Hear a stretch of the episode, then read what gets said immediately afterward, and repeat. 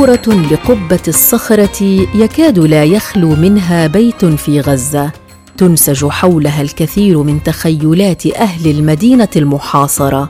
تخيلات عن مدينة القدس عن أقصاها عن شوارعها عن حجارة مبانيها عن أسواقها وعن رائحة التاريخ فيها.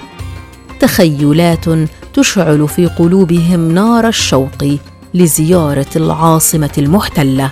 فهنا في قطاع غزة هذه البقعة الجغرافية من فلسطين التاريخية. باتت فكرة الصلاة في القدس كأنها ضرب من الخيال بل حلم صعب المنال. بعد أن فرض الاحتلال الإسرائيلي على غزة قيودا صعبة منذ ما يزيد عن عقدين من الزمن.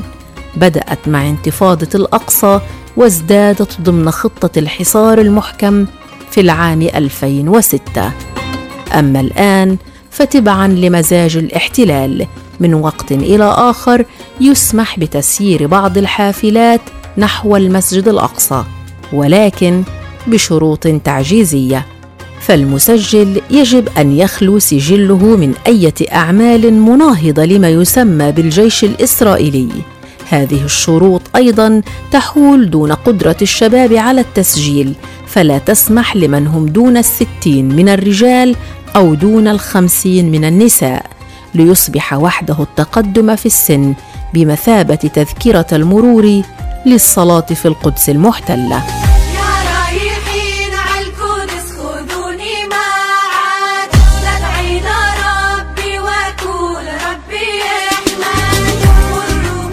مشاعر من الفرحة والألم بتمتزج في صوت سامر النونو وهو بيحدثنا عن زيارته للقدس مؤخرا. فهو كغيره من الشباب دون السن اللي بيسمح له بالحصول على تصريح للصلاة في الأقصى. ولم يكن يحلم يوما أن يسمح له بدخول القدس لكن لرب ضارة نافعة.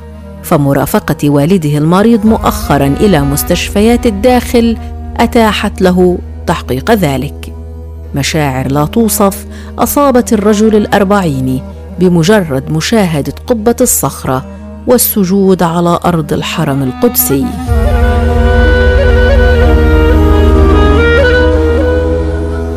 شعور آه، غريب.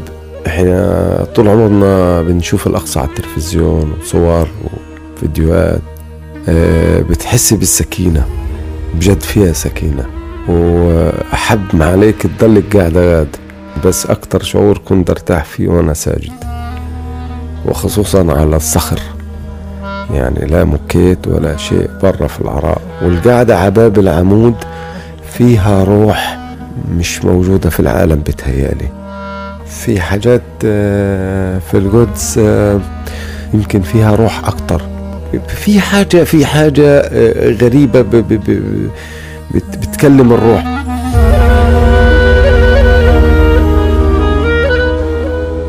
ويتعب القلب الفلسطيني حقا فكرة أن زيارة أي بقعة في العالم صارت عند شباب غزة أهون من فكرة زيارة القدس. ففي ظل الحصار المفروض على غزة أصبح التنقل عبر معبر بيت حانون إيرز مقتصرا على فئات محدودة. من بينها المرضى الذين يجدون في رحلاتهم العلاجية هم ومن معهم من مرافقين فرصة للصلاة في المسجد رغما عن إجراءات الاحتلال حتى لو كلفهم ذلك الكثير من المعاناة. أنا كنت بتمناها أكيد بس ما كنتش متوقعها آه، بما انه الظروف اللي إحنا بنعيشها الظروف السياسية المعابر مفيش حد بدخل غاد.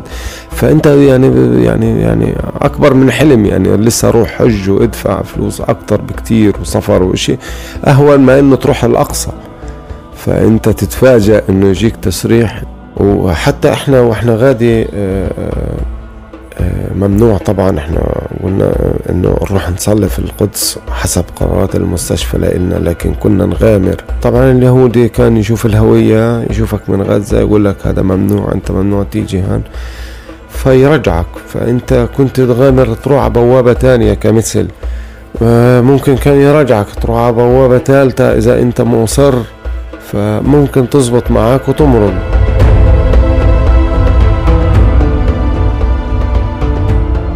ومن عادة أهل غزة عندما يزورون القدس أن يعودوا محملين بخيرات المدينة فهذا الكعك المقدسي أو كما يسمى المجدل. وهذه حلويات القدس الشهيرة وهذا بعض الملبن وبعض الزعتر وبعض الحلي للصغيرات.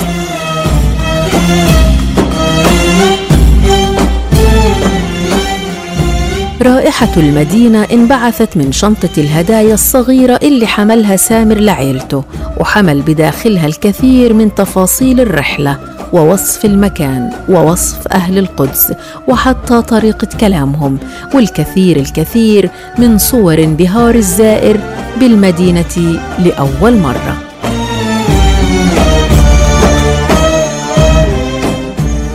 جبت للأولاد. طبعا القدس بتتميز بالقطين والزبيب. طبعا انسي الكعك. وجبت كمان الدبس آه، كتير رهيب. أكيد فرح الأولاد كتير بهذه الأشياء لأنها من ريحة القدس هذا أقل شيء الزعتر. لأنه في إشي غريب يعني في طعم غريب يعني بيختلف عن زعترنا فعليا. قعدت آه، أورجي الأولاد آه، على الصور بالفيديوهات اللي تصورتها غاد طبعا صورت كتير وشافوا حواريها وشافوا الصخرة و... وصرت أنا أشرح لهم بتعمق. فصار عندهم رغبة وصاروا يقولوا ليش يا بابا نروحش على القدس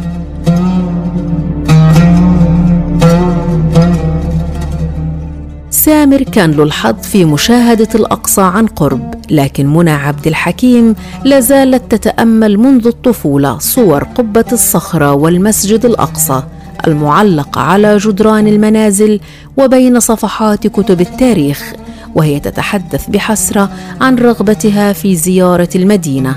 فصور الإنترنت وبرامج التلفزيون وحدها التي من خلالها تعرف منى الشكل العام للمدينة. دون أن تحظى يوما بزيارتها.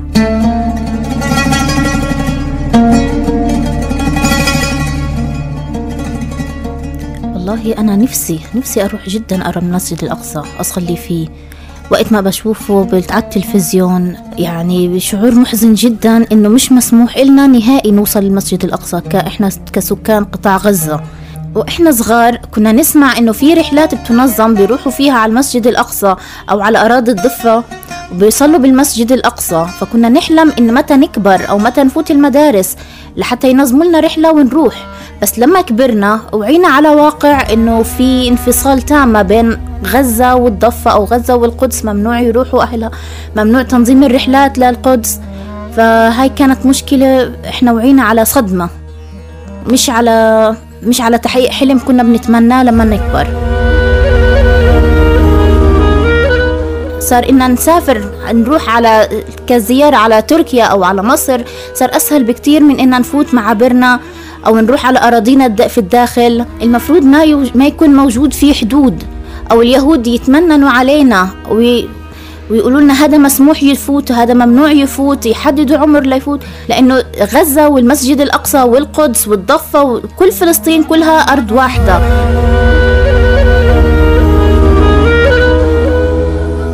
شعور الحسرة في قلب المحرومين من ارتواء عطش الروح لا يتوقف هنا بل تلاحقهم أسئلة الصغار عن المدينة التي يتغنون بها في كل المناسبات.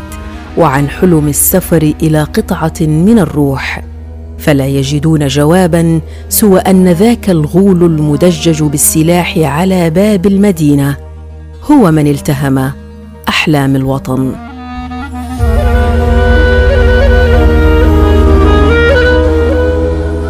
والله كتير بناتي بيسألوني إيه شو هو المسجد الأقصى؟